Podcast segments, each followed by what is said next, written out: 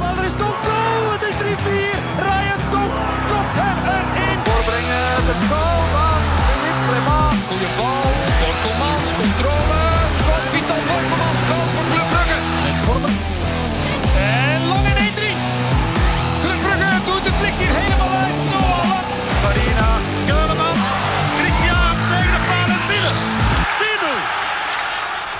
Dag beste luisteraars, welkom bij de allereerste aflevering van 2022. Normaal gezien zouden we pas op eh, 24 januari terug zijn voor onze eerste aflevering van het eh, nieuwe jaar.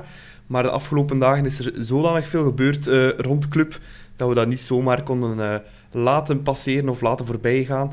Dus eh, vandaar dat we vandaag een eh, special aflevering opnemen, special trainerswissel aflevering eh, van de klokken dus. En om eh, ja, deze toch opmerkelijke periode te bespreken, ja, zijn onze twee vaste gasten er terug bij. eh eerst en vooral eh, Matthias is hier terug. Gelukkig nieuwjaar, Matthias. Goed gevierd.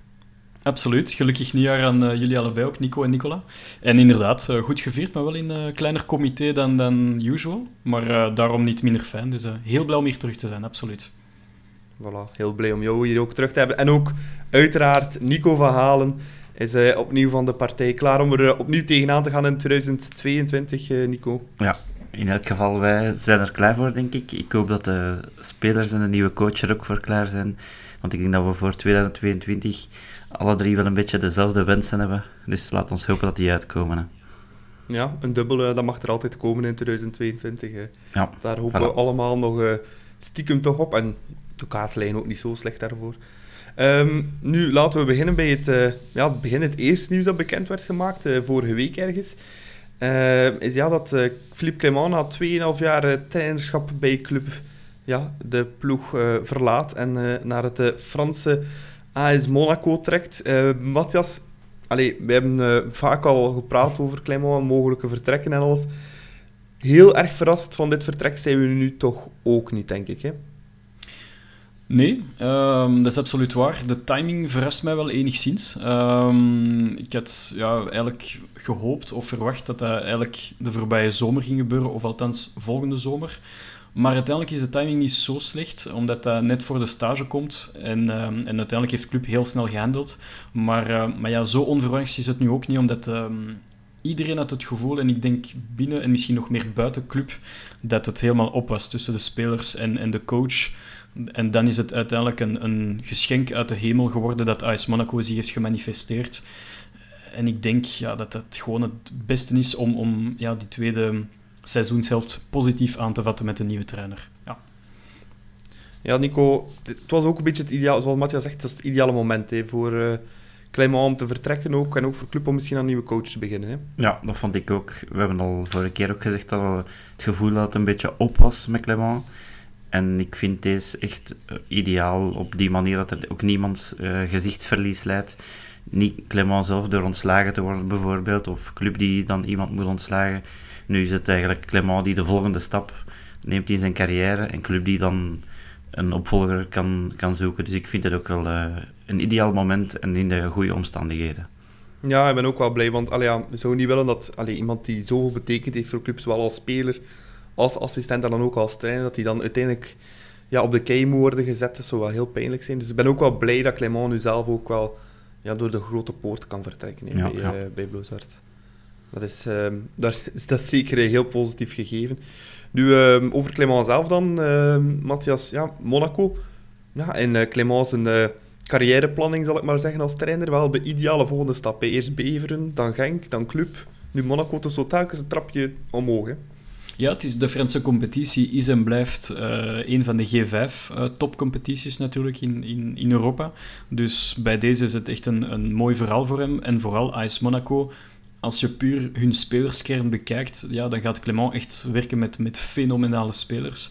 Dus ik denk wel dat dat een, een, een lichte stap vooruit is voor hem. Ehm, ik denk dat Monaco ook echt wel ja, stevig kan investeren. En als je ziet, die hebben net eh, een rechtsback voor 11 miljoen gekocht. Dus allee, Monaco is een heel stevige ploeg.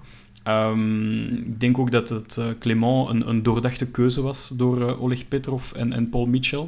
Ehm, dus het is echt een fantastische challenge. En zoals Nico aangaf, ik vind het een heel elegante uitgang voor Clement. En, en iedereen heeft er baat bij. De spelers, het bestuur, de fans. En vooral Philippe Clement en zijn assistenten ook. Dus ja, fantastische challenge. En ik ben heel nieuwsgierig naar hoe hij het gaat brengen. Want ik zou totaal niet weten of het, of het positief gaat uitvallen of, of minder gaat uitvallen. Dus dat, dat blijft natuurlijk de grote vraagteken. Ja, Nico, hoe zie je dat vraagteken ingevuld? Zie je Clement te doen in uh, Frankrijk? Want allee, het is weer een grotere competitie, een grotere ploeg. Het is ook weer grotere ambities. Dus uh, allee, het is geen klein ploegje, nee, AS Monaco. Nou, het valt natuurlijk te zien wat je verstaat onder uh, geslaag, een geslaagde passage bij Monaco. Als het is de titel behalen, denk ik dat het moeilijk wordt met een ploeg als PSG in de competitie Zeker. daarbij. Dus dat wordt sowieso, denk ik, een ja, bijna onmogelijke opgave. Maar zoals dat Matthias terecht zegt, heeft wel het spelersmateriaal. Dus de kern is wel voldoende gestoffeerd om er iets moois mee te maken, denk ik. En dat heeft Clement bij zijn vorige clubs, ook bij Wasland Beveren nog trouwens, telkens heel goed gedaan. Dus ik hoop, en ik denk ook wel dat hij, dat hij het daar goed zal doen. Ik denk wel misschien een, een klein puntje van kritiek. Ik heb daar straks ook zijn persconferentie gehoord. Ik denk dat zijn Frans, dat de Fransen daar nog een beetje moeten zullen aan wennen. Want uh, Matthias stuurde het ook al. Ze verwachten eigenlijk een Franstalige coach als ze de naam Philippe Clément hoorden. En ze waren een beetje verschoten dat hij Nederlandstalig was. Dus misschien zal hij daar nog een beetje moeten in, uh, in verbeteren. Maar bon, de taal van het voetbal is universeel, zeggen ze. Nee, dat is waar. Ja, Matthias, je bent Frans, Franstalig ook. Uh, allee, ja. Perfect tweetalig, zal ik maar zeggen. Uh, ja, ligt dat zo gevoelig uh, bij, bij die Fransen? Toch wel. In, in België kan je meteen, als je een nieuwe ploeg coacht, kan je alles in het Engels doen. En, dat is, en trouwens, Engels is ook de voertaal binnen club. Maar natuurlijk bij Monaco, um, het is niet voor niks dat Clement na zijn, tijdens zijn persconferenties, uh, dat hij alles in het Engels uh, zei bij club ook wanneer dat de Franse journalisten kwamen na de matchen tegen PSG bijvoorbeeld. Maar vanaf dat hij een stap zet bij Monaco, dan zet hij zichzelf de druk op van oké, nu moet ik Frans spreken om meteen het goede voorbeeld te tonen. Um, ik vond het al al meevallen. Hij struikelde wel over een paar woordjes, maar ik denk dat hij beter en beter en beter gaat worden uh, met de weken.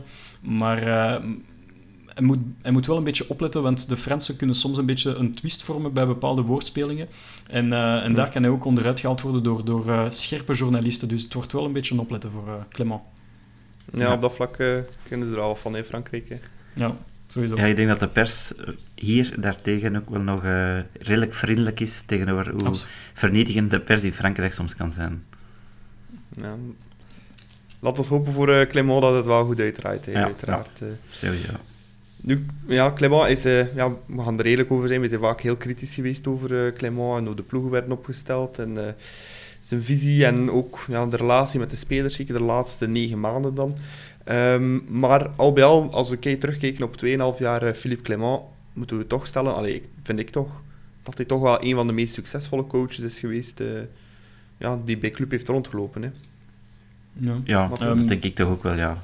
Ja, allee, ik, ik denk, we hebben, we hebben er inderdaad een beetje op, op gesakkerd de laatste maanden. Maar in theorie heeft dat denk ik niet echt iets met zijn kwaliteiten te maken. Denk ik meer het feit dat het gewoon een beetje op was tussen hem en de spelersgroep naar allee, velen hun gevoel.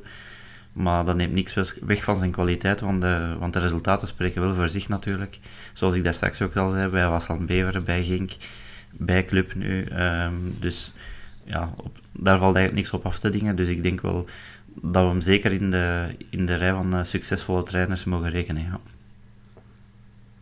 Ja. ja. ja uh, ook bij, allez, bij, met Clement zijn er ook uh, twee assistenten vertrokken. Um, hoe groot is die leegte daarvan, Matthias? Denk je dat die makkelijk opgevuld kan worden? Ik denk het wel. Um, ik moet toegeven dat ik, dat ik blij was dat Eddie Rob en Karel Hoefkens aan boord bleven. Omdat dat stuk voor stuk in hun vak. Uh, dat zijn blijkbaar cracks, uh, verneem ik een beetje links en rechts. Uh, Hoefkes is natuurlijk de link tussen Club Next en, en de A-kern. En Eddie Rob behoort blijkbaar tot de absolute goeroes van de, ja, van de physical coaches. Dus het was heel belangrijk om die aan boord te houden. En ja, ik denk gewoon dat, dat Johan van Rumst en, en Jonas Evans, dat zijn gewoon de, ja, de twee ja, loyale companen zijn van, van Clement. Dus het was ook geen ongelooflijke surprise dat die meegingen en, en de Boever ook niet. Uh, de Boever die trouwens echt een toprelatie had met Mignolet, dus hopelijk zal het dezelfde relatie zijn tussen Carlo Lamy en, um, en, en Mignolet.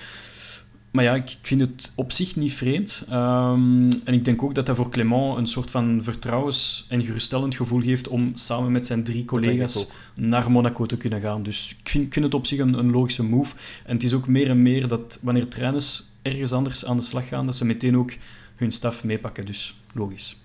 Dat gebeurt vaker en vaker. Hè. Ja. Ehm, wat was jullie mooiste moment onder eh, Philippe Clement in 2,5 jaar, Nico? Als je toch eh, één moment eruit moet pi- pikken, welke eh, neem je dan? Ja, daar moet ik niet lang over nadenken. Er waren in de Champions League redelijk wel mooie momenten, zoals de plaatsing ten eerste. En ook de overwinningen of verplaatsing soms. Maar het mooiste blijft voor mij wel de titel op Anderlecht. Daar, eh, dat staat vast. Ja, mooier dan dat kan het eigenlijk bijna niet worden. Nee, voilà. Mm. Welk mo- moment neem jij, Matthias, eh, als mooiste moment onder Clement? Ik ga misschien voor twee voetballende momenten kiezen, waarbij ik echt wel het gevoel had van wow, nu zijn we echt tien niveaus hoger dan alles en iedereen. En dat waren de twee matchen tegen Anderlecht. De eerste thuis 2-1 met de twee goals van Diatta, terwijl dat we misschien Oh. 8, 8 of 9-1 hadden moeten winnen. Dat was echt Ehm, dat, was, dat was verbluffend. Dat was zelfs nog een niveau hoger dan Leco. Dat was echt fenomenaal. En dan de bekermatch op Anderlecht, eh 0-2 geloof ik. Ehm, dat was Ja. ook van een... Van een ja, Balanta wereld- Vormer. ja, Balanta en Vormer. Dat was, dat was gewoon wereldklasse. Dus laat ons zeggen, de twee, ehm, ja, de twee matchen tegen Anderlecht, thuis en, en, en uit, dat, dat bleef mij echt bij, maar puur, puur voetballend dan. Ja. Van mij is eh, ik ga toch een Champions League moment kiezen. Velen zouden denken dat moment in Bernabeu was al fenomenaal. 0-2 voorkomen op Madrid eh, met de struikelende Emmanuel Dennis. maar ik ga niet dat moment kiezen. Ik ga toch kiezen voor... ehm, ja, eigenlijk een moment dat eigenlijk niet zo positief gepercipieerd staat bij de clubsporters. Maar dat is de 2-2 in Lazio. Gewoon omdat ik dat een fenomenale prestatie vond. En dat club eigenlijk nog nooit ja, zo dicht bij een eh, volgende ronde heb zien spelen. En ook ja, natuurlijk met ja, heel die tirade van die rode kaart en dan toch nog de comeback. En dan op, uiteindelijk stelden op 5 centimeter van de kwalificatie. En dat vond ik toch, eh, ondanks dat we er net niet geraakt, geraakt zijn, vind ik dat toch eh, nog altijd een van de allermooiste momenten eh, onder Philippe Clement. En ook, ja, ik denk dat het misschien nog even zal duren voordat we weer zo'n kans gaan hebben om ons te kwalificeren voor die volgende ronde in de Champions League. Dus ik ga Nee. voor die 2-2 op Lazio kiezen. Bedankt Nicola voor deze nare herinnering op te rakelen. graag gedaan, graag gedaan. Daar gaat mijn nachtrust. Wat is dat? Sharon de Ketelaar heeft ook nog altijd eh, nachtmerries van die deklap, denk ik. eh. Ja. niet, niet te veel, hopelijk. Ja. Nee, ik hoop het ook niet, maar we hebben vandaag zien voetballen, het zag er allemaal Ja, dik in orde uit. er eh, goed uit. Ja. Ja. Nu, eh, het gaat heel snel in het voetbal, want eh, ik denk eh, een uur nadat het officieel bekend was dat Clement wegging, het ging al lang in de, in de lucht natuurlijk, ehm, was Club er al met een volgende coach. Maar natuurlijk, het moment dat je hoort dat Clement weggaat, Matthias, ja, dan komt die geruchtenmolen eh, op gang. Hè. We hebben, eh, onze WhatsApp die stond eh, niet stil de afgelopen week. Ehm, ja, misschien kun je een keer zeggen, want ja, je, hoort toch heel wat namen in het milieu al. Welke namen hebben het niet gehaald van, in plaats van Alfred Schreuder? Ja, het zijn er een pak natuurlijk. Het is moeilijk om, om, om te zeggen wie nummer 1 was, wie nummer 5 was. Maar allee, de, de namen zijn wel stilletjes aan bekend als je ze allemaal opsomt. Ehm, misschien beginnen met de topkandidaat. Eh, dat was Hjulmand, Hjulmand eh, de, de huidige bondscoach van, van Denemarken. En blijkt dat uh, Manhart en, en, en Verhagen een ja, absoluut overfan zijn van Hjulmand. Uh, dat ze elk jaar zelfs proberen om die, die bij ons als T1 te halen. Maar die zit zo op een, op een ja, Deense wolk op dit moment. Hij heeft ook net een fenomenaal EK achter de rug. Dat hij uiteindelijk Halve heeft... Ja, halve finale tegen de Engelsen. Bijna ook erdoor uiteindelijk. Uh, het was ook een sprookje uh, voor de Denen. Dus, uh, en ze speelden ook gewoon fenomenaal voetbal. Maar, maar voilà, Hjulmand heeft meteen gepast. Het had zeker ook een, een, een mooie naam geweest als de een. Ik denk dat iedereen heel blij was geweest met, uh, met. Um, dan was er nog, dat was misschien meer geopperd door het nieuwsblad. Maar die zag ik eerder niet komen, omdat dat iemand is die ik eerder zie binnenkomen vanaf juni, juli om echt zijn groep te kneden. Uh, en dat is Alexander Blessin van KVO. Um, misschien niet de ideale situatie, omdat hij ja, bij KVO toch echt wel heel veel moeilijkheden kent uh, dit seizoen. Maar Blessin was zeker en vast in de, in de shortlist of alvast in de longlist. Ja, zeker, want on, onlangs in extra time ook, uh, Filip Joos die zei dat er een voorakkoord was zelf tussen Ja. Club en uh, Blessin. Hè? Ik denk dat dat misschien zou kunnen, moest Clement tot het einde van het seizoen coach zijn bij Club. Maar dan was, er, dan was er misschien een bepaalde logica om te zeggen van oké, je krijgt een volledige voorbereiding tot eind augustus om echt jouw groep te kneden naar jouw specifieke gegenpressing manier van spelen. Uh, maar zo plots in, in, in januari beginnen met een, met een blessing, dat zag ik eigenlijk falikant aflopen, om eerlijk te zijn. Dus ik hoopte minder op blessing nu dan binnen zes maanden. Geef ik eerlijk toe. Um, dan had je nog uh, Lech, uh, dat is de huidige coach van Vitesse. Uh, Thomas ja. Letz of Lech, dus de coach van Luis Openda, die blijkbaar heel hoge ogen bereikt in, in Nederland. ook een typische Leco-style coach hè, met zijn, met zijn 3-5-2. Uh, had misschien ook Openda in zijn, in zijn rugzak meegebracht, dus dat was ook misschien niet slecht. Ja, um, spelen ook Conference League nog altijd, hè? Ze zijn Europees geplaatst, hè? Ja, ze zijn Europees geplaatst. En ik denk dat ze het niet slecht doen in, in de eredivisie. Um, Openda is trouwens... Uh, behoort tot de, de tot aller, allerbeste spitsen en, en ik denk goalgetter samen met Haller uh, in Eredivisie, dus zeker niet slecht. En dan de drie andere namen waar dat er wel effectief werd ges mee gesproken zijn Van Bommel, De Boer en Xabi Alonso.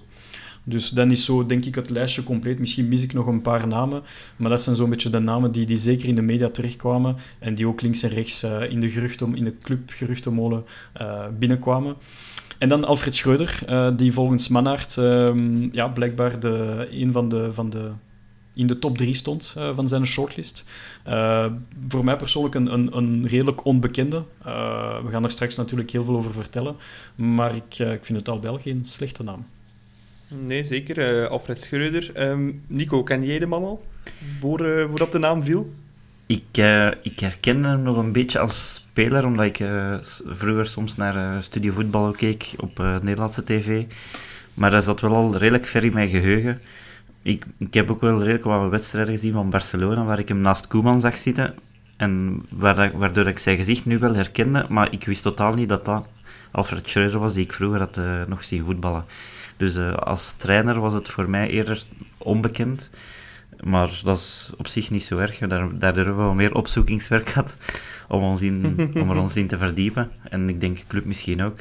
Dus uh, ja, ik ben in elk geval benieuwd. Ik kan toch al mooie adelbrieven voorleggen met de trainers die hij gewerkt heeft. Dus ik denk wel dat hij veel zal geleerd hebben in de voorbije jaren. Ja, om uh, Alfred Schreuder uh, ook nog kort eens voor te stellen, voor de luisteraars die niet weten waar dat hij overal gezeten heeft. Als speler uh, is hij gestart trouwens bij Feyenoord. Daar één wedstrijd toe gespeeld. maar daarna een heleboel wedstrijden bij RKC, NAC Breda. dan opnieuw Feyenoord. En dan RKC Waalwijk, FC Twente, SVD Barneveld. Ik denk dat dat het dorp is waar hij geboren is. En dan gestopt bij Vitesse in 2009, waar dat hij dan ook meteen assistent is geworden als coach. Dan uh, bij FC Twente, assistent geweest onder uh, Michel Prudhomme. Dan uh, hoofdcoach geweest van Twente. daarna dan naar Hoffenheim, waar hij onder Nagelsman gewerkt heeft. Dan werd hij assistent bij Ajax. Het Ajax dat de halve finales haalde, Champions League, beker won en de competitie won ook. Dan hoofdcoach bij Hoffenheim en dan vorig jaar nog assistent bij FC Barcelona. Uh, onder uh, Ronald Koeman en van nu 2022 start aan een nieuwe job bij uh, Club Brugge. Matthias, dat is toch een, een aardig lijstje hè, als je dat zo bekijkt. Ja, ik, ik, geef, geef grief toe dat toen het officieel werd dat, dat Schreuder onze coach ging worden, had ik zo'n beetje het gevoel van, ah, ik had, ik had liever een, een, een mooie naam gehad, zoals een Xabi Alonso of een Julmans bijvoorbeeld. maar achteraf gezien toen je, eh, een beetje gelijk Nico en waarschijnlijk jij ook, eh, Nicola, als je je wat verdiept over de man zelf, dan, dan merk je wel dat hij, dat hij gewerkt heeft met de aller la de la. Ik bedoel, als je samen met Den Haag de, de, de fantastische Ajax uh, Champions League um, periode hebt gekend tot de, tot de halve finales op een seconde na tegen Spurs. Um, gewerkt hebt onder voor mij ja, de topper in wording, namelijk Nagelsman. En, dat, en Nagelsman wou zelfs Schreuder absoluut meenemen uh, naar Bayern. Dus ja, het zegt gewoon alles. Um, Steve McLaren, Michel Prudhomme, uh, Co Adriaanse, dat zijn allemaal cracks in hun, uh, in hun vak. En ik vind het dan aan zich niet slecht, want hij, heeft uiteindelijk twee, hij is twee keer coach geweest, T1 van, van uh, Hoffenheim en Twente. Dat was allemaal geen succes. Enerzijds bij Twente, omdat de, ja, de club was in vrij val, uiteindelijk gedegradeerd nadien. Dus dat zegt ook wel iets. En um, en als T1 bij Hoffenheim was het meer door een misverstand of een, of een moeilijkere relatie tussen, tussen het bestuur en, en hemzelf. Maar ik vind het niet slecht, omdat dat enerzijds leerrijk is dat hij twee keer uh, een beetje tegen, zijn ja, bek is gevallen. Dus dat ik vind dat niet zo slecht, omdat hij nu misschien wel de ervaring heeft gehad om het nu wel goed te doen bij club. Dus um, ik sta heel positief achter, de, achter zijn kandidatuur, moet ik eerlijk toegeven. Ja.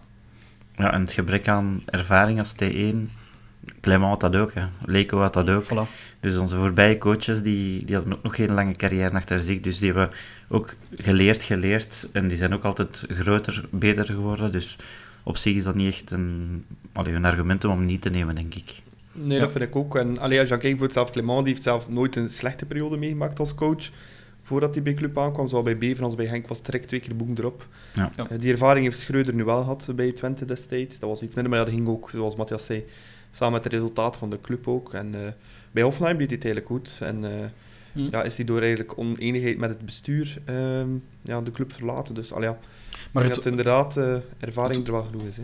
Het mooie is wel dat hij achteraf blijkbaar heeft toegegeven dat hij misschien iets te impulsief heeft gereageerd om, om ja. toch zijn, zijn ontslag aan te bieden. Gehoord. En dat vind ik al blijk van, van een bepaalde mea culpa. Dat, dat hoor ik graag en dat lees ik graag. Dus ja, ik zie, ik zie het echt helemaal zitten met uh, Alfred. Hij heeft ook, ja, hij heeft ook de, het voordeel dat hij gewerkt heeft met zowel de ervaren coaches als Michel Prudhomme, als Huub Stevens, Ronald Koeman. Maar hij heeft ook met die topcoaches van de nieuwe generatie, zoals ze zeggen, gewerkt.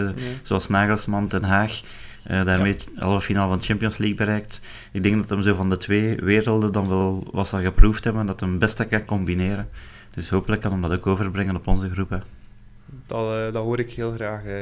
Ja. Nu, Nico, je hebt um, je ook een beetje verdiept in het uh, tactische element van Schreuder. Um, ja, een beetje analyses gelezen over hem. Ja, wat, kun je vertellen over hem als, ja, als tactische coach dan? Of, wat voor voetbal staat hij voor? ja, de algemene teneur is toch wel dat hij gekend staat als een tactisch sterke coach. Hij legt veel trainingsvormen op tactiek in, uit op het veld en de meeste spelers zijn er ook zeer lovend over, over zijn veldtrainingen. Um, het is ook duidelijk dat hij zich niet vastpint op één systeem. Hij kan gerust overschakelen van het een in het ander. Ook tijdens de wedstrijd zelf uh, overschakelen van een balbezit in 3-5-2 een balverlies wordt dan snel een 5-4-1. Dus uh, ik heb een interview met hem gezien waar dat hij ook spreekt van ja, die, die beginformatie op zich, dat is voor mij niet super belangrijk. Het is eerder de invullingen en de taken die, die worden gegeven. Je kunt met, met drie van achter beginnen, maar in balverlies moet dat dan helemaal omgevormd worden. Dus dat zijn dingen waar hij wel op hamert. Er zijn ook een paar zaken die mij opvielen um, bij, bij Hoffenheim, want ja, hij heeft natuurlijk wel maar twee ploegen waar hij echt de touwtjes helemaal in had. Dus moeten we ons daarop baseren. En dat was vooral de minder lange ballen gebruiken. En ik vond, ik heb nu toevallig de wedstrijd vandaag ook gezien tegen Karlsruhe. En dat was ook wel duidelijk dat die lange ballen achterwege bleven. Ook meer pressing op de verdediging van de tegenpartij. Dat viel mij vandaag ook meer en meer op. Dus dat zijn wel twee grote zaken die, die, ik, al, die ik al gemerkt heb. De, ook wat ik gezien heb, en dat was misschien bij Clement ook wel een beetje, dat is um, niet te veel risico in spel, in spel zetten. Dus dat is misschien een beetje on-Hollands, maar liever nog een keer een, een, een pas breed dan een pas vooruit die veel risico op balverlies kan, kan, allez, kan, daarvoor kan zorgen. Dus dat zijn ook wel zaken. Hij wordt op dat gebied misschien een beetje als een voorzichtige coach uh, aanzien. Maar let er daarbij ook wel altijd dat het centrum goed dicht blijft. Dat is misschien de voorbije maanden ook een beetje ons probleem geweest, zodat het middenveld bijvoorbeeld met één diepe pas eenmaal open lag. En dat is wel iets waar ik ook op hamert als je de wedstrijden ziet van Hoffenheim bijvoorbeeld. Die stond altijd in positie. Er stond altijd een blok in het middenveld dat moeilijk uh, te ontwrichten was. Dus um, dat zijn toch wel zaken die, die mij direct opvielen. Ook de zes bijvoorbeeld, die, die had meestal een belangrijke functie. Dus die verdediging middenvelder, die kwam diep terugzakken om, om de bal op, op te eisen, om dan zo snel mogelijk de flanken te bedienen. De flankverdedigers gaan dan zo uit het veld dan breed. En, en zo proberen ze dan rap de tegenstander een beetje uit te kappen. Dat is iets dat Anderlecht trouwens ook bij ons gedaan heeft, vond ik.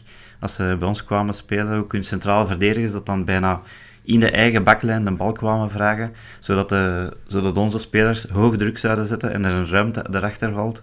Dus dat zijn ook wel allemaal zaken die, die bij Schreuder toch wel opvallen als ik zijn wedstrijden van, van Hoffenheim bekijk.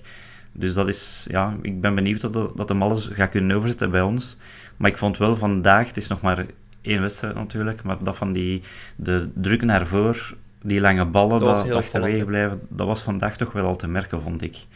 Ehm, iets wat, wat mij minder aansprak, dat was iets wat Clement misschien ook wel soms durfde doen. Bij Hoffenheim heb ik gelezen dat hij, dat hij bepaalde spelers ook niet echt op hun positie zette, om hem aan het bestuur duidelijk te maken dat hij niet echt tevreden was met de diepte van de kern. Dus dat bijvoorbeeld Skof, de, de topschutter, die heeft hij op linksachter daar gezet. De centrale middenvelder werd rechtsachter. En ja, dat was zo'n beetje... Er wordt gezegd dat het waarschijnlijk om, bedoeld was om aan, de, om, om aan het bestuur te tonen kijk, ik moet het doen met wat ik heb. Uh, dus ik zet ze, ik zet ze daar om, om mijn systeem een beetje in orde te krijgen. Zet ik mijn beste spelers, ze moeten zich maar aanpassen. En ja, ik vond ook dat dat bij Clement misschien ook zo was. Soms was dat de, dat de spelers niet echt op hun beste positie werden uitgespeeld. Alleen betwijfel ik of dat, dat bij Clement uh, bedoeling was om iets naar het bestuur duidelijk te maken. Nee, dat misschien niet. Maar ja, het was wel iets herkenbaar, vond ik. Ja. Um, nu, als ik het zo'n beetje groot lijn versta, het eigenlijk een beetje eenzelfde gelijkaardig systeem als van Clement, maar met andere accenten uiteindelijk. Hè? Ja, met andere accenten, misschien iets minder risico, iets meer berekend ook, iets minder ruimte laten voor de tegenstander, altijd voorzien zijn op, uh, op de tegenaanval, wat bij ons wat minder het geval was. Zeker met gebrek aan snelheid bij ons achterin is dat toch wel ook een must. Maar ik denk wel dat het in vele lijnen overeenkomt. Ik denk alleen dat we tactisch wel sterker voor gaan staan onder Schreuder. -hmm.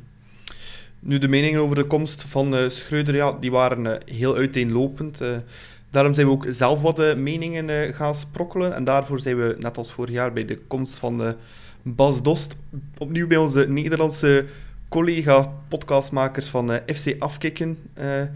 ja, een berichtje gestuurd om te vragen wat dat zij denken over Alfred Schreuder. Um, oh ja, een landgenoot van hem die bondscoach wordt. Zij kennen hem natuurlijk wel. Um, we hebben een fragmentje doorgestuurd gekregen van Bruce Stol, een van de vaste hosts van FC Afkikken, over onze nieuwe coach. Dus we gaan daar nu een keer naar luisteren wat hij vindt van Alfred Schreuder. Alfred Schreuder staat er in Nederland eigenlijk best wel goed op. In zijn periode bij Ajax werd hij gezien als iemand die de veldtrainingen deed uh, onder Erik ten Hag. Uh, was een van de breinen die samen met ten Hag in, uh, in, de, in de succesvolle seizoenen van Ajax... met veldspel eigenlijk heel goed liet zijn. Is daar ook best wel om gewaardeerd. Er was ook vanuit spelers best wel veel positieve bewoordingen over hem. Bijvoorbeeld vanuit Hakim Ziyech. Die zei dat Schreuder best wel belangrijk was in de manier waarop er getraind werd... Daarna heeft Schreuder natuurlijk best wel veel ervaring opgedaan. Um, onder andere samen met Julian Nagelsman en met Ronald Koeman bij Barcelona... heeft hij een redelijk succesvolle periode bij Hoffenheim achter de rug. Waarbij hij ook um, echt werd gekozen omdat ze geloofden in zijn voetbalvisie. En daarom, daarom is eigenlijk in Nederland is iedereen er best wel van overtuigd... dat dit een goede trainer kan zijn. De stap naar als uh, assistent-trainer van Barcelona werd ook wel gezien als van oké, ja, er is een kans om bij Barcelona uh, te trainen. Dus ja, misschien kan die die niet laten. Alleen is, was eigenlijk altijd de verwachting dat hij als hoofdtrainer wel aan de slag zou kunnen gaan.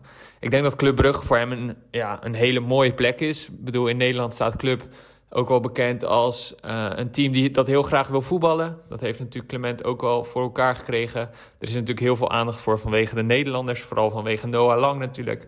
Uh, in onze ogen de grote ster bij jullie. En ik denk dat in alles eigenlijk Schreuder um, kan doorzetten waar Club Brugge mee bezig is. En dan hopelijk betekent dat dit seizoen dat uh, de titel weer uh, veroverd kan worden. Daarom uh, zal, zal, zullen er nog wel wat puntjes ingehaald moeten worden op Union.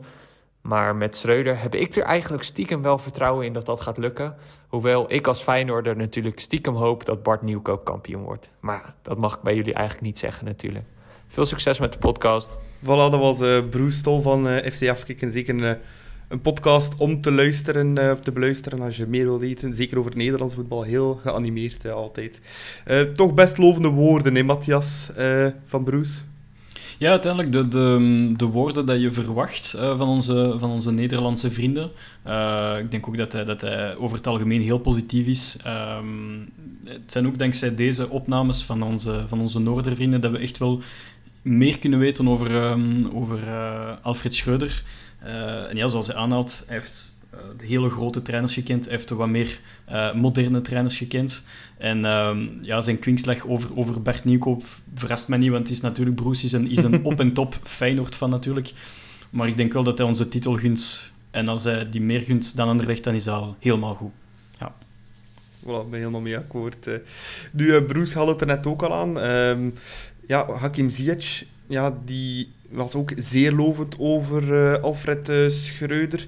Um, ja, op het moment dat uh, Schreuder daar trainer of assistent-trainer was bij Ajax, um, was het jaar dat ze de halve finales haalden van de Champions League met een fenomenale Ziyech. Ik herinner me nog een op Real Madrid, denk ik, 1-4 ja. dat ze daar gaan winnen.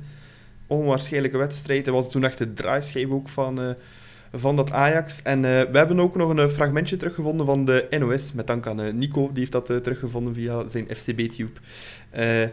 Waarin dat Ziyech ehm, ja, praat over Alfred Schreuder en wat het toch voor een belang heeft gehad in zijn carrière. Dus laten we daar samen ook eventjes luisteren naar wat dat Hakim Ziyech te zeggen heeft over Schreuder. Over trainers gesproken. -huh. Wie zijn de belangrijkste trainers voor jou geweest? Alfred Schreuder. Staat bij mij wel op één, denk ik. En Peter Bos, denk ik. Alfred Schreuder. Waarom Alfred Schreuder? Je zegt nog op nummer 1. Ja, die klik die je dan met uh, bepaalde mensen of trainers hebt, die was gewoon bij mij, tussen mij en Alfred was dat gewoon perfect. Kijk, je, bij, bij sommige mensen heb je een, bepaald gevoel die het beste uit je naar boven halen. Weet je, en daar hoeft niet eens heel veel uh, woorden aan vuil gemaakt te worden. Dat is gewoon puur een gevoel wat je met iemand hebt of een klik wat je met iemand hebt. En de vrijheid die je bij iemand hebt. En, en ja, die vrijheid die hij mij gaf, uh, heb ik wel uh, enorm goed gebruikt. In de zin van, uh, heb ik het uiterste uitgehaald. Ja, dat is gewoon, dat is gewoon een, een, een fijn... Dat was Hakim Ziyech. Ja, Matthias of Nico, als je het beste in als Hakim Ziyech naar boven kan halen, dan ben je toch geen slechte coach, denk ik. Je speelt nu bij Chelsea, dus uh, ja. dat wil toch iets zeggen. Ja, dat zijn, dat zijn mooie woorden. En dat doet mij een beetje geloven dat hij misschien in Noah Lang ook nog iets meer naar boven gaat krijgen. Misschien dat hij hem een beetje in dezelfde rol kan zien als, uh, als Ziyech destijds. Ja, en... ene Frank Raas zou zeggen, die kennen elkaar. Hè? voilà, het is dat. um, en, en het was niet alleen Ziyech, ook Messi heeft, uh, heeft lovende woorden over hem uh, al gaat over zijn veldtrainingen. Dus ja, ik denk wel, als, als, dat zijn toch niet de minste die, die positief over hem spreken. Dus nu is het alleen hopen dat hij het bij ook kan tonen. Ja, denk je dat, uh, dat hij nog lang ook nog naar nog hoger niveau gaat kunnen tillen, Matthias? Ja, ik denk het wel. Um, we spraken net over Ziyech. Uh, er zijn nog spelers hoor. Ik denk aan, aan spontaan aan Tadic, uh, Frenkie de Jong, Messi. Dat zijn blijkbaar ook allemaal spelers, en dat zijn niet van de minste, die, die unaniem absoluut lovend zijn over, over Alfred Schreuder. Um, ja, dat kan ons enkel maar warm maken om, om het voetbal dat we, dat we gaan zien krijgen op Jan Breidel.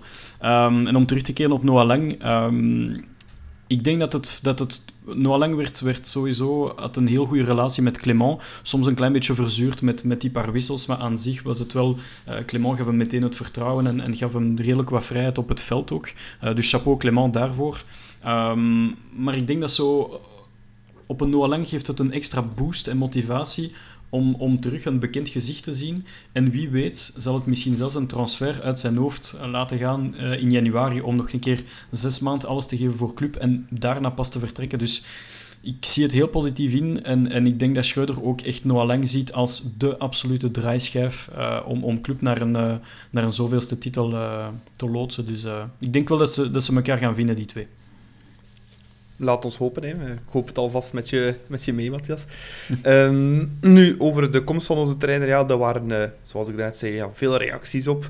Uh, ook het uh, supportersforum stam nummer 3, ja, dat ging helemaal los. Ehm, bij de komst van Alfred Schreuder. ja, wat, zijn, wat waren zo'n beetje de reacties van de mensen eigenlijk daar? redelijk positief. Uh, misschien de eerste reactie was meteen van... Ah, ik had gehoopt misschien op een grotere naam of een iets meer ja, naam die, die wat doet dromen. Uh, zoals een Xabi Alonso of iemand anders. Maar als je nadien ja, opzoekingswerk doet, dan, dan, dan heb je wel een fijn gevoel. Hè. Uh, hij kan 3-5-2 spelen, uh, hoge pressing, compact en overbevolkt middenveld. Geen lange ballen meer, zoals Nico zei. En vooral ja, die, die, die soort referenties of feedbacks van, van niet enkel van spelers gelijk een een Tadic, een Messi, etc. Maar ook vooral, zoals, zoals zei in zijn interview, um, de background check die ze hebben gemaakt, niet enkel bij, bij Predom, maar ook bij Nagelsman enzovoort. Ja, iedereen was unaniem lovend en dat hij het absoluut kan en gaat maken als T1. Dus de tendentie is heel snel omgekeerd van een beetje achterdochtig en twijfelend naar we gaan ervoor en we zijn positief. En vooral, het geeft een nieuw boost en een nieuw elan aan dit club die het brood nodig had om het tweede seizoen zelf aan te vatten. Dus al bij al positief op het forum, alvast. Ja, Nico, uh, jij lanceert op je eigen Twitter ook een, eh, een vraag aan uh, je Nederlandse volgers. wat zij vinden van Alfred Schreuder. Ehm, wat kwam daar bovendrijven qua reacties? Ja, de meningen zijn verdeeld. Maar goed, dat is ook niet abnormaal. Want als het bijvoorbeeld op sociale media ging de laatste maanden over Clement, dan zie je ook al heel veel meningen die serieus verschillen. Dus um, ja, ik denk dat iedere, iedere supporter een beetje naar zijn eigen ploeg gekeken heeft. Het waren vooral de, de fans van Twente die niet zo positief waren. Die vonden dat, uh, dat hij een beetje angst, angsthazen voetbal speelde. Met tiki breed en terug, zeiden ze op, het Nederlands. Uh, hij zou ook als assistent van alles naar de media gelekt hebben. En dan is onder grote druk van de fans toen ontslagen. Dus dat was, dat was iets dat, dat bij enkele Twente-fans toch altijd terugkwam. De fans van Vitesse die zijn er redelijk positief over. Die zeggen als assistent dat hij een hele goede indruk heeft, heeft nagelaten. Um, als eindverantwoordelijke heeft hij bij Twente een, niet al de beste resultaten geboekt. Zij zijn fan van Vitesse en, en dat is ook zo. Natuurlijk stellen ze zich ook de vraag, als eindverantwoordelijke, gaat het hetzelfde zijn als assistent? Ja, dan nee. En de Ajax-fans die hebben, die hebben gestuurd, die zeiden, ik ben erg positief over zijn tijd bij ons. Uh, hij was altijd een man met het plan B in handen als het niet lukte. Een plan B dat Den Haag zelf toen niet had. Dus het was eigenlijk meer Schreuder die, die het plan B bedacht als, uh, als het oorspronkelijke plan niet zou werken. En hij zei ook nog eens, spelers konden ook altijd goed overweg met hem, zoals ik vernam. Dus dat is wat we daar straks effectief al zeiden van, van Ziyech en van Tadic. Dus de meningen waren in het algemeen wel, wel positief. Er was nog een, nog een andere bekend uh, Nederlands account dat, dat mij geantwoord had dat zij verwacht geen spektakel, maar wel verzorgd en misschien voor Nederlandse begrippen een beetje saai voetbal. Hij heeft oog en aandacht voor zogenaamde lastige, maar ook voor gewoon de jonge spelers. En het is een fatsoenlijke en realistische opbouwtrainer met een plan. Maar een extraverte assistent zou kunnen helpen. Dat is uh, de laatste comment die ik gekregen heb. Direct een goede tip uh, ja. Uh, die hij mee heeft gekregen. Hè? Want ja, het zijn ook twee assistenten die meekomen, hè, Matthias? Ehm, bij ja. Schreuder, Daniel Zenkovic en uh, keepertrainer uh, Carlo Lamy. Ja, dat zijn toch ook jongens met goede reputaties, hè? Absoluut. Uh, opnieuw, als je daar een korte background check over doet, dan zie je dat Daniel Zenkovic heel, heel even uh, interim hoofdtrainer is geweest bij Werder Bremen. Uh, het is vooral een ex-Ajax beloftecoach, dat is altijd positief. Hij is nog maar altijd maar 34 jaar. Uh, wat, wat heel, heel, heel jong is natuurlijk. Uh, nu, er is geen leeftijd op, uh, op topcoach. We zien het bij Nagelsman bijvoorbeeld. En vooral, dat is iemand die opgeleid is geweest in de, in de ja, geroemde Red Bull school. En dat zal vooral voor, voor Bart en Vincent heel, heel positief klinken, want die zijn daar verzot op, op de Ajax-combinatie samen met de Red Bull-combinatie. Uh, dus van Daniel Zenkovic kunnen wij denk ik wel die portie grinta verwachten. Zoals Nico zei, van ja, het is wel belangrijk dat hij een goede T2 heeft die hem gaat challengen. En daar waar ik misschien een klein beetje het gevoel had soms bij, bij Van Rumst en Ives, dat ze niet genoeg uh, Clement konden challengen en echt wel hun, hun ja, mening konden geven. Ik denk en ik hoop dat dat bij die Zenkovic wel het geval gaat zijn. Um, en Carlo Lamy, uh, ja, dus we zagen hem trouwens net na die match met uh, Karlsruhe, dat hij nog wat aan het babbelen was met uh, Ricardo van Rijn. want Van Rijn speelt bij Karlsruhe en die kennen elkaar van Ajax natuurlijk. Um, maar natuurlijk, Carlo Lamy, ja, wie heeft hij gecoacht? Stekelenburg, Sillessen, Onana. Ja, dat zijn niet van de minste keepers natuurlijk. het is zo belangrijk dat, dat Mignolet daar een goede klik mee heeft, want ja, zoals ik zei, Mignolet had een heel goede klik met, uh, met de boever. Uh, en blijkbaar was hij echt een, een heel goede keeperscoach. Maar van Carlo Lamy kunnen wij veel verwachten. Uh, eh, 13 jaar keeperstrainer geweest bij, bij Ajax van 2007 tot 2020. Daarna is hij eventjes in de, in de zandbak geweest. Maar, maar ja, van Carlo Lamy kunnen wij ook zeker een portie ervaring verwachten. En van Zenkovic misschien een beetje de, dat jeugdige en dat, dat modernere coach van de Red Bull school. Dus het ziet er goed uit. Ja. Schreuder heeft er destijds ook uh, samengewerkt met uh, Michel Prudhomme uh, bij FC Twente, was daar ook assistent. Nico, ik kan me niet inbeelden dat Vincent en Bart Vragen um, niet een keer naar Michel gebeld hebben. Ja, ik kan me dat ook moeilijk inbeelden. Ik denk, want ik denk dat Manhart het in een interview ook heeft aangegeven dat hij nu niet speciaal gebeld heeft, maar wel jaren geleden al, als ze hun zogezegde database hebben aangelegd met, uh, met comments en, en, feedback van, van andere coaches over, over hem. Um, daar heeft hij toch wel aangegeven van ja, we hebben toen wel Michel gecontacteerd. En, maar ik kan inderdaad ook moeilijk geloven dat hij nu niet nog eens gepost geweest is van wat denkt jij? Want ik, ik hoor toch wel links en rechts dat Michel toch nog altijd hier en daar eens wat tips geeft aan vragen. Dus het zou me inderdaad niet verbazen. Mm ja, maar je hebt soms nog contact met Gillian. Denk dat je dat verhaal misschien wel kan bevestigen, of niet? Gillian probeert het niet te hard te bevestigen, maar, uh, maar natuurlijk als, als uh, de Klokken-podcast gast kan hij, kan hij toch iets lossen. En inderdaad, hè, Predom uh, heeft nog altijd een, een goede band, een uitstekende band. We weten allemaal de, de oprechte liefde, liefdesrelatie tussen Bart Vincent en, en Michel Predom. En natuurlijk heeft Michel um, info doorgegeven aan, aan, aan Manhart en aan, en aan Vragen.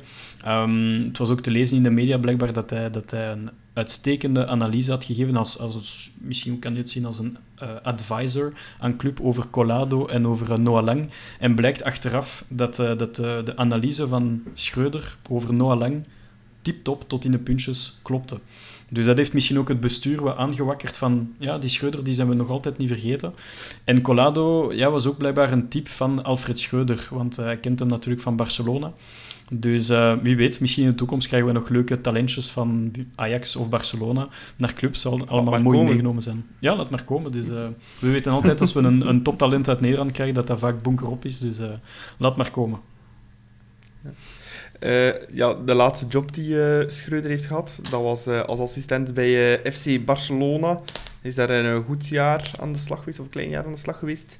Uh, samen met uh, Ronald Koeman, dat was een beetje de Nederlandse delegatie, daar werd uh, neergezet. Um, en was ook nog, ja, tot deze zomer Messi getransfereerd werd naar Paris Saint-Germain, ook trainer van Messi. Nico die was wel lovend over de veldtrainingen van de Schreuder. Die had ook bepaalde oefeningen dat zelf Messi nog nooit had gedaan. Dus, dus ja, dat, dat, dat zegt toch ook weer heel veel. Hè? Ja, inderdaad. Ik heb, ik heb het interview nog ergens teruggevonden ook van van Messi. En hij zei daarin ook van, er wordt op tactisch vlak heel goed getraind. En er werden bepaalde principes ook ingestuurd, zodat je het nooit niet zou vergeten, maar altijd wel op een, op een goede manier. Niet tot herhalings toe, maar soms op een speelse manier. En het zo toch leren om bepaalde principes in die kern te krijgen. En ook heel veel ehm, met bal, dus niet te veel... Uh, wel fysiek werk, maar niet gewoon saai lopen. Altijd wel met een, met een gedachte erachter. Dus ik denk wel dat de spelers ehm, de nieuwe manier van trainen ook wel zullen, zullen leuk vinden. Ook een keer afwisseling na, na een paar jaar met dezelfde coach zal hen zeker deugd doen. En ik hoop daarbij ook vooral dat de, dat de motivatie uh, zal, zal terugkomen. Want we weten allemaal, als je met veel plezier gaat werken, staat zich dat ook af op, in, op het veld natuurlijk. Hè. Ja. Over die aanstelling destijds bij Barcelona als uh, T2 hebben we, heeft Nico opnieuw een fragment ook gevonden uh, van Ronald Koeman, die zich uitspreekt over Alfred Schreuder. Het is ook het laatste fragment van vandaag, maar ik denk dat het ook wel een keer interessant is om te luisteren wat Ronald Koeman vindt van onze nieuwe hoofdcoach. Je gaat op zoek naar een, naar een tweede man. Je gaat toe, je zoekt naar iemand met, met ervaring in veldtrainingen. Nou ja, mijn informatie, en ik ken hem redelijk, ook via Erwin, uh, die nog met hem gewerkt heeft uh, toen hij speler was. Nou ja, en, en ik wist natuurlijk ook zijn invloed uh, in de periode van Ajax. De spelers waren altijd zeer positief over hem. Hij is assistent van Nagelsman geweest. Dat is wel misschien wel de, De coming man, op- de coming man Ja. in de trainerswereld. Dus heeft heel veel ideeën. Ja, en, en, en, en ik heb ook geleerd dat een iets meer een managersrol mij het beste ligt. Mhm. En de rol die hij kan vervullen ligt denk ik het beste voor hem. Ja, mooie woorden hè, van eh, Ronald Koeman, Nico. Ik Ja, je mooie zeker. woorden al vandaag gehoord over uh, Schreuder. Al veel mooie woorden gehoord. Misschien juist de, de laatste zinnetje dat misschien de rol van... Ja, dan geeft hij toch misschien aan de rol van T2 misschien meer gepast is. Dus voor- al bij FC Barcelona, ja. Wel bij Barcelona natuurlijk. Maar... ene FCB is het andere niet, hè. Dus, eh, Nee, maar ja, het- zoveel verschil is er niet. Hè. nee, nee, nee. nu heeft wel een, nog een andere FCB wel Ja, eh links laten liggen, want ja. bij eh, FC Basel heeft hij niet getekend hè, destijds. Ja, Allee, ja, dat is nog altijd eh, redelijk... Allee, re- ja, toch redelijk straf ook dat hij dan Basel... Want het is nog niet zo lang geleden, dacht ik. Hè, dat hij Basel heeft geweigerd om... ja, omdat hij blijkbaar, had, had ik gelezen, maar ik weet niet of dat klopt, dat hij het niet zag zitten om in het midden van het seizoen daar te beginnen, omdat hij liever heel de voorbereiding wou meemaken. Ik weet niet of dat, of dat, dat gerucht klopt of niet, maar bij ons willen het dan blijkbaar wel, dus eh ja, er zal toch een reden zijn, zeker. Ja, Ik is denk dat dan dat, de eh, overtuigingskracht van eh, Bart en Vincent, eh Matthias? Ja, ik denk dat het tweeledig is. Ik denk dat, dat Bart en Vincent een verhaal ongelooflijk eh, kunnen brengen, naar voren kunnen brengen. Ik denk ook dat ze alle drie Nederlandstalig zijn, wat ook wel een pluspunt is. Ehm, en vooral, het geeft opnieuw een verhouding op de manier waarop club ongelooflijk is gestegen eh, in de hoofden van alles en iedereen in, in, het, in, eh, in het topvoetbal. Of in de topsport in het algemeen. En dat Basel toch serieus, serieus is afgegleden. Hè. Ze hebben echt wel een, een, een diepe financiële crisis gekend. Ze waren de absolute top eh 2010 tot 2015. Maar ze kennen al sinds, sinds drie, vier, vijf jaar een, een absolute financiële crisis. En, en dat heeft misschien ook het, het, verschil gemaakt tussen ik hap toch toe bij een club als Club Brugge, maar bij Basel ga ik mij misschien nog niet aan wagen, want ja, het is nog niet stabiel genoeg. Dus eh, ja, vijf jaar geleden dacht iedereen van Basel is toch wel beduidend hoger aangeschreven dan Club, maar de verhoudingen Zeker. zijn nu wel duidelijk omgekeerd bij deze. Ja, en gelijk dat je zegt aan Nederlands, dat is wel inderdaad een positief punt, dat had Manhart ook aangegeven in zijn interview. Hè. Dus Ja. eh, om snel resultaten te boeken, het is toch wel belangrijk dat je de coach verstaat. Ook misschien het feit dat hij bij Barcelona gespe- eh, getraind heeft, dat, dat zijn Spaans misschien ook wel goed zal zijn, dan denk ik aan spelen. Als ik, een- ik, heb een, ik heb een interview gezien en het schijnt dat hij voetbal Spaans kan. Eh, Ja, dat is dan gelijk Clement voetbal Frans spreekt waarschijnlijk. Zoiets. Maar wel ja, vloeiend Engels, wel vloeiend Engels. Ja, maar ja, ik denk misschien, hij kan dan toch al vlotter communiceren, denk ik, met, met Rika, met Balanta, met Perez bijvoorbeeld. Dus ik denk wel voor die, voor die jongens dat dat ook wel aangenaam zal zijn. Nee, dat is zeker een, eh, een meerwaarde. De club is ook momenteel ja, op eh, winterstage in eh, Marbella. En zoals we daarnet zeiden, ja, was de eerste oefenmatch er ook al tegen Karl, Karlsruhe. Vroeger Bundesliga-ploeg, nu tiende in de tweede Bundesliga. Nico, eh, je hebt de match eh, zo goed als volledig gezien.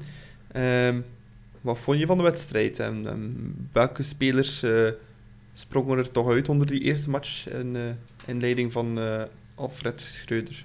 Ja, het resultaat is niet echt denderend. 0-0, daar moeten we niet flauw voor doen. Maar bon, dat is ook niet het belangrijkste met, tijdens een oefenwedstrijd. Het was voor mij meer te zien om, om, om te zien of dat, dat alle principes, of er al bepaalde zaken, accenten duidelijk waren in, in het spel. En zoals ik, zoals ik daar straks al aangaf, bepaalde zaken zijn, zijn toch al duidelijk te zien, zoals die lange bal dat wegbleef, die pressing dat ze proberen te zetten, de, de zes die wat dieper komt terugzakken. Dus dat waren wel dingen die ik al ik zeg niet altijd, maar toch vaker zag. Vooral die lange ballen was heel op- opvallend. En Mechelen heeft na de wedstrijd ook aangegeven dat de coach daar echt op hamert van niet te veel de lange bal te gebruiken. Dus dat zijn wel eh, bepaalde dingen die, die al opvielen. En welke spelers sprongen niet oog, dan vond ik... ehm Charles vond ik geweldig in de tweede helft op, eh, op de nummer 10. Die deed dat achter Dost. Ja, dat was echt... Ja, die heerste echt op, op het middenveld eigenlijk als ja, tussen 10 en valse nummer 9 eigenlijk. En ja, dat vond ik hem echt fantastisch goed. Voor de rest vond ik ook dat Noosa heel, eh, heel veel opviel Ja, ik de heb ook gezien. Ja, hè, dat was echt... Ik denk, die, die, die heeft techniek, die heeft, die heeft snelheid. Ik denk als die op, binnen een paar jaar misschien nog wat meer body kan kweken, wat meer overzicht kan krijgen, dan, ja, dan, dan hebben we echt uh, ja, een, een, extreem wapen op, uh, op de flank. En dat hebben we nu ook bijgekregen met Buchanan, want dat, die viel mij ook wel op in, uh, in deze Dat was zijn debuut, hè? Ja, ja hij heeft het, heeft het goed gedaan, vond ik. Jammer dat hij scoorde bij die, bij die ene kans die, die hij daar kreeg, maar je ziet direct zijn kwaliteiten. Hij heeft die snelheid, hij heeft een actie. ik vond ook dat hij mee verdedigde. Dus ik denk wel dat dat ook een wapen op rechts zal zijn. Dus ik, die viel mij ook zeker op. Voor de rest heb ik ook Otasowi een beetje in het oog gehouden. Ik vond dat hij goed gestart was de tweede helft, maar daarna viel hem wel een beetje weg, vond ik. Eh, ik vond dat hij zich een beetje verstopte soms. Het is wel een imposante verschijning. Zeker. Dus het is niet dat hem, eh, dat hem gemakkelijk weg te stoppen is. Maar uh, ja, ik heb wel de indruk bij hem dat hij nog fysiek een serieuze achterstand heeft. Dat hij, dat hij moeilijk... heeft nu maar één helft gespeeld, maar dat dat zelf al... Ja, limiet was om, om echt 45 minuten te kunnen gaan natuurlijk. Ze hebben ook getraind in de voormiddag. Dus dat speelt ook allemaal, allemaal wel mee. En ja, ik had helaas ook wel één tegenvaller. En dat was Mawassa. Die vond ik echt bijzonder zwak in de eerste helft. Die werd geregeld gepakt in, in de rug. Die, zijn positiekeuze was niet goed. Die won bijna geen enkel duel. Enkel de laatste minuten in de eerste helft viel hem goed mee. Maar voor de rest ja, viel hij me toch wel zwaar tegen, moet ik zeggen. En aan de overkant vond ik dan Persijn toch iets, toch iets beter. En ik hoop dat die er toch een beetje doorkomt, ook zodat we eindelijk toch een, een deftige alternatieve format hebben. Ja, want die uh, speelde rechtsachter. Uh, Persijn dat was ook uh, een beetje opvallend. Uh. Nu, ja. dat zo, ik denk dat ook zijn debuut was bij Club, want die heeft nog geen, letterlijk geen minuut gemaakt hè, bij de eerste ploeg. dat, ik ben niet zeker. Nee, nee, heeft, hij heeft inderdaad nog nooit uh, gespeeld. Nee, nee. Bij Club A bedoel ik, maar bij Club Next ja, wel. A, ja, bij Club Next wel. Ja. Maar inderdaad, zoals Nico aangaf, um, blijkbaar waren er een paar forummembers aan het lachen op, op stem nummer 3 dat dat zo de man is van 30 minuten en dat daarna zijn vat helemaal af is. En dat, dat bleek ook waar te zijn, blijkbaar, dat hij, dat hij 30 minuten op een redelijk goed niveau was, maar dat hij nadien echt wel fysiek helemaal stik kapot was zoals Nico aangaf, eh, waarschijnlijk een, een, harde training in de voormiddag en dat is nooit leuk in de benen. Maar dan nog, dan verwacht je wel dat hij, dat hij een, een helft aan kan in een vredelde oefenmatch tegen Karlsruhe. Um, dus ik hoop echt wel dat het potentieel eruit komt, want ja, club heeft er toch 4 miljoen voor neergeteld. Uh, Mawassa ook 4 miljoen voor neergeteld. Uh, dat zijn spelers die komen toch van Wolverhampton en van Rennes. Dat zijn toch niet de minste clubs. Dus uh, ik mag hopen dat, uh, dat het goed en positief uitdraait, want anders is het uh, een serieuze sneer naar de, um, naar de scouts van club. Want het was wel algemeen geweten, nu mogen we het bijna zeggen eigenlijk, dat, dat Clement niet per se heel grote voorstander was van, van beide spelers. Uh, maar nu moeten zij het absoluut tonen onder de nieuwe, de nieuwe coach. En, en het wordt cruciaal, want als je 8 miljoen neertelt, en dan reken ik nog niet de, de 9 miljoen van SOA, uh, die ik natuurlijk veel beter zie uitgespeeld worden in een centrale rol als nummer 8 of als nummer 10. Uh, maar die drie spelers moeten er toch een klein beetje doorkomen, want anders wordt het een linkverhaal. Ja, want het is nu allee, echt het moment van doorlichting hè, de komende twee weken, Matthias. Uh, ja. Want allee, Schreuder staat er ook niet onbekend om graag te werken met gigantische kernen. Uh, daarvoor is hij ook uh, ja, in ruzie gekomen destijds bij Hoffenheim. Ja. Um, dus er gaat wel een beetje doorgeselecteerd worden, hè, denk ik. Ik denk het ook. Uh, ik denk dat het uitkijken wordt naar uh, de evolutie van, uh, zoals ze zeiden, Otasowi, Soa, Mawassa, Rika. Dat is ook een, een belangrijke. Ik denk dat hij, dat hij zeker van nut kan zijn in een driemansverdediging, Rika. Dat is ook zijn beste positie. Um, wat zal er gebeuren met Bas Dost en Ruud Vormer? blijkbaar was Bas Dost ook heel, heel afwezig in de match vandaag. Nu, dat wil niet alles zeggen, maar... Well, Viel mee. Ik, ja. ja. Ik vond, okay. ik vond dat Vormer meer afwezig was dan, dan Dost eigenlijk. Ja. Oké. Okay. Maar ik ben, ja, ik ben nog altijd heel nieuwsgierig of, dat we, of dat we Dost opnieuw echt wel aan de praat kunnen, kunnen ja, terughalen eigenlijk in deze, in deze tweede ronde. Hoe verloopt de, de integratie van Buchanan? Uh, maar dat zie ik echt wel helemaal positief uitdraaien. Uh, Buchanan is ook echt wel ja, de man die op rechts het verschil zal mogen maken samen met Charles en Noah voorin. Uh, en dan vooral ook de ontwikkeling, en daar ben ik heel nieuwsgierig van, van de next-talenten. Ik denk aan Persijn en Bamba, die vandaag 17 geworden is. Dat is heel spijtig dat hij niet mee kon gaan naar Marbella. Uh, Noosa en Cisse Sandra, dat zijn zo'n beetje de vijf spelers waar dat ik echt wel naar uitkijk. En, um, en ja, na de uitgebreide analyse, zoals uh, zei, dat zal nu twee weken duren. En vanaf 15, 18 januari zal er echt wel ja, conclusies worden getrokken van wie valt er compleet naast de ploeg. En wie moeten zij erbij halen? Uh, ik denk dan spontaan aan een, een, nummer 8. Ik denk aan een extra centrale verdediger. Ik denk eventueel aan een diepe spits of een flank. Maar er, ik denk wel dat er één à twee transfers wel moeten gebeuren op het einde van de Mercato. Denk ik. Nico, zie je veel gebeuren uh, in de Mercato dit, dit, deze winter nog? Nee, ik verwacht niet heel veel eigenlijk. Ik zou misschien wel enkele spelers uitlenen. Ik denk aan uh, Perez bijvoorbeeld, Van der Bremt. Dat zijn toch jongens die in mijn ogen mm, ja, toch nog een beetje tekort komen. Alhoewel Perez vorig jaar wel al goede dingen laten zien heeft. Maar ik denk dat een uitleenbeurt voor hem perfect zou zijn. Ehm, en dan zou ik er toch wel graag nog een extra spits bij hebben. Als zowel Wesley nu vertrokken is, als Perez dan zou misschien uitgeleend worden. Dan zou ik er toch wel graag een spits bij hebben. En ja, graag ook een uh, voetballende centrale verdediger. zou ook geen overbodige luxe zijn, denk ik. Want ja, ik vind dat je natuurlijk met Henry, die staat er nu wel. Ik heb vandaag een Sokkie bezig gezien. Ja, die, ja, ik vind, ik, ik vind dat, dat je ziet dat hij dat die talent heeft, maar ja, toch zo... Op zijn sokkies. Ja, weer een paar keer zo nonchalant dat de, de bal terugspeelt. En, exact. Ja, tenzij dat, dat, dat Schreuder dat daaruit krijgt, dat zou perfect zijn. Maar ja, ik zou toch graag nog een voetballende centrale verdediger erbij zien ook. En zoals dat Matthias ook al aangaf, op de 8 dat, dat zou toch ook geen, geen overbodige luxe zijn om daar iemand te hebben. Um, zoals dat we al zeiden, is het afwachten wat ze met SOA gaan doen. Um, we zijn daar straks al enkele spelers van, van Club Next. Ik wil daar ook nog Ador aan toevoegen. Um, die vandaag ook, vind ik, een, een degelijke tweede helft gespeeld. Ja, vond het toch. Dus ik denk wel dat hij misschien ook wel zijn, zijn kansen zal krijgen. En dat zijn jongens die toch wel... Die, zou ik dan eerder houden, gelijk een Cisse Sandra, gelijk een Ador. Um, en andere zou ik dan gelijk Perez van der Bremt, die zou ik dan toch eerder uitlenen. Ik heb, ik heb ook het gevoel dat een, dat een spits cruciaal is, want je gaf net aan, Nico, um, Charles was outstanding in die rol van nummer 10, 9,5. En, en blijkbaar speelt Schreuder wel soms 3-1-5-1 Waarbij dat, dat Charles echt perfect zou passen uh, in, de, in de schaduw eigenlijk van een diepe spits. Dus uh, ik denk dat die spits wel een, een... En ik hoop dat het een prioriteit is deze winter. Ja. ja we zullen zien wat er ook nog allemaal beweegt, denk ik. Uh. Ja. Want ik zou een Bazost ook niet afschrijven bij Club. Want nee, nee, nee. met een Nederlandse coach... En het probleem was dat hij niet echt paste in het systeem Clement, maar als je kijkt naar de, puur naar de stats, naar zijn expected goals, naar zijn expected kansen, zat hij bij de allerbeste van de competitie nog altijd, hè, zelf dit jaar. Dus ja, um, en, en ik denk dat we er echt nog heel veel aan kunnen hebben. Buchanan kan natuurlijk ook een, een goede voorzet trappen en dat is echt wel een, een wapen. Hè. Zowel ja, als je dan een bal in de 16 hebt staan, ja. ja. je moet er gewoon in hebben die ze binnenkopt. Hè. En dat kan niet wel, hè. of binnentikt of whatever.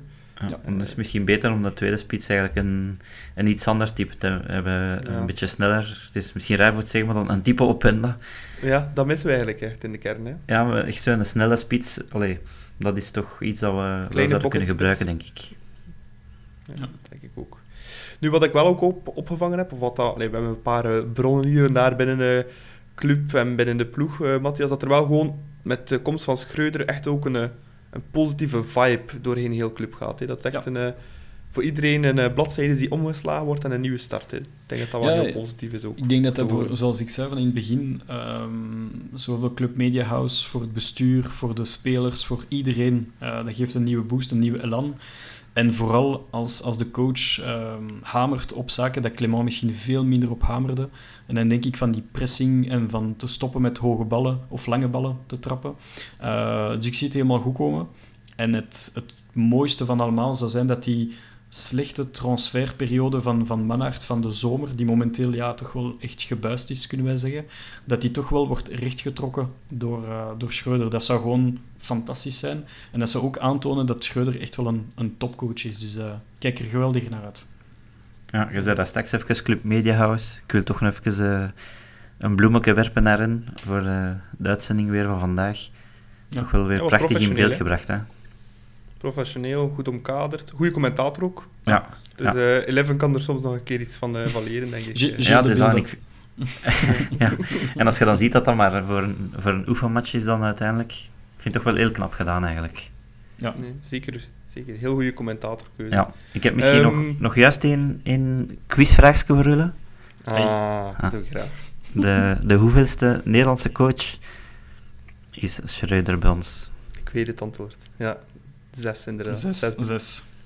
Ik kan er wel een paar opnoemen, denk ik. Nee, Al, zeven? alle twee mis dan. Vijf. Oeh, Het is de zevende. de Tjoe, zeven, ah. Ja. Dan Kunt je er een paar opnoemen? Of, eh, Koster. Wacht, hè, Adrie Koster, Grijzenhout, Ham- Grijzenhout, Ja. Henk Kouwaert. ja. Ja. Eh, de anderen zijn nog van, van nog daarvoor. Hè. ja, dan er zijn eh, van Dat eind jaren 60, begin jaren 70, eh, hebben er eigenlijk drie Nederland, Nederlanders elkaar zo'n beetje opgevolgd. Het was Frans de Munk, eh, eind jaren 60, die opgevolgd werd door Leo Caniel, Caniels. En dan was er Jacques de Witt. Ehm, en dan inderdaad was eind jaren 70 was Han Grijzenhout. En dan natuurlijk voor ons de meest bekende Henk Houwaard en Adrie Koster. Dus Houwaard heeft ons kampioen gemaakt, heeft een beker gewonnen. Koster heeft ons niks opgeleverd. Dus ik denk... Wel spectaculair voetbal. Hè. Spektakel. Ja, ja, veel goals voor en veel goals tegen. Dus ik, eh, ja, het is te hopen dat hij het dan beter doet dan Koster. Hè. Ja, denk ik ook wel. eh. Waarschijnlijk. Ik denk dat Koster ook assistent was bij eh, Ajax. Niet? Ja, Of eh beloftecoach? Een Ja. toch alleszins. ja, ja, ja. We gaan, we gaan maar zwijgen, hè. Nee, het is dat. We gaan niet jinxen eh, voor Alfred Schreuder. Nee. Nee. Voilà, bedankt voor het le- leuke quizje. We zijn ook helemaal op het eh, einde van onze aflevering gekomen. Normaal was de bedoeling om het eh, binnen het half uur te doen. Ik zie dat we, ja, op, om het op zijn eh, Gilles de Kosters te zeggen, het is spectaculair mislukt. We zitten over een uur in tussentijd weer al. Dus ik ga jullie bedanken voor, het, voor er opnieuw bij te zijn. Matthias, bedankt. En eh, 24 januari hebben we een special, we gaan nog niet zeggen met wie. Nee. Maar dan komt de volgende aflevering online. Hè? Ja, het was twee dagen voor Club Union. Nee, nee. Ja. Union. Union. Union, gelijk de, de Nederlanders zeggen. Met Ja. Bart Nieuwkoop. Voilà. En eh, ook Nico, bedankt om er opnieuw bij te zijn. We hebben ook al een paar leuke gasten geboekt voor 22. eh. Ja, ik ga ze ook niet vernoemen, maar inderdaad, er, zijn, er liggen er al een paar vast en het gaat heel mooi worden. Gaat zeker ook mooi worden. Ik ben heel 100% zeker van. Ook wil ik eh Bruce Stol van FC Afkijken nog eens bedanken voor zijn eh, bijdrage aan deze aflevering. En eh, de NOS, dat we toch die fragmenten hebben gebruikt. eh. we hebben het niet gevraagd, maar eh, hopelijk nemen ze ons dat niet kwalijk. We hebben het al een paar keer vernoemd in de plaats. Ehm, je kan ons nog altijd volgen op Instagram met De Klokkenpodcast. En ook op Twitter met De Klokkenpodcast. Mailtjes kan je sturen naar deklokkenpodcast.gmail.com. Ehm op Spotify kan je ons followen. En eh, Eureka, we hebben vandaag eh, duizend volgers op Spotify ook gehaald. Dus bedankt aan alle luisteraars om ons eh, zo massaal te volgen. Ehm, maar de mensen die het nog niet gedaan hebben, klik zeker op die follow-knop. Je kan ons trouwens ook eh, tegenwoordig op Spotify een rating geven. Momenteel zitten we mooi, op een mooie 5-sterren rating, de maximumscore. Dus eh, als je ons daar ook nog een duwtje in de rug zou kunnen geven, dat zou fantastisch zijn. Bedankt voor het luisteren en eh, tot 24 januari voor een volgende aflevering van De Klokken. Tot dan.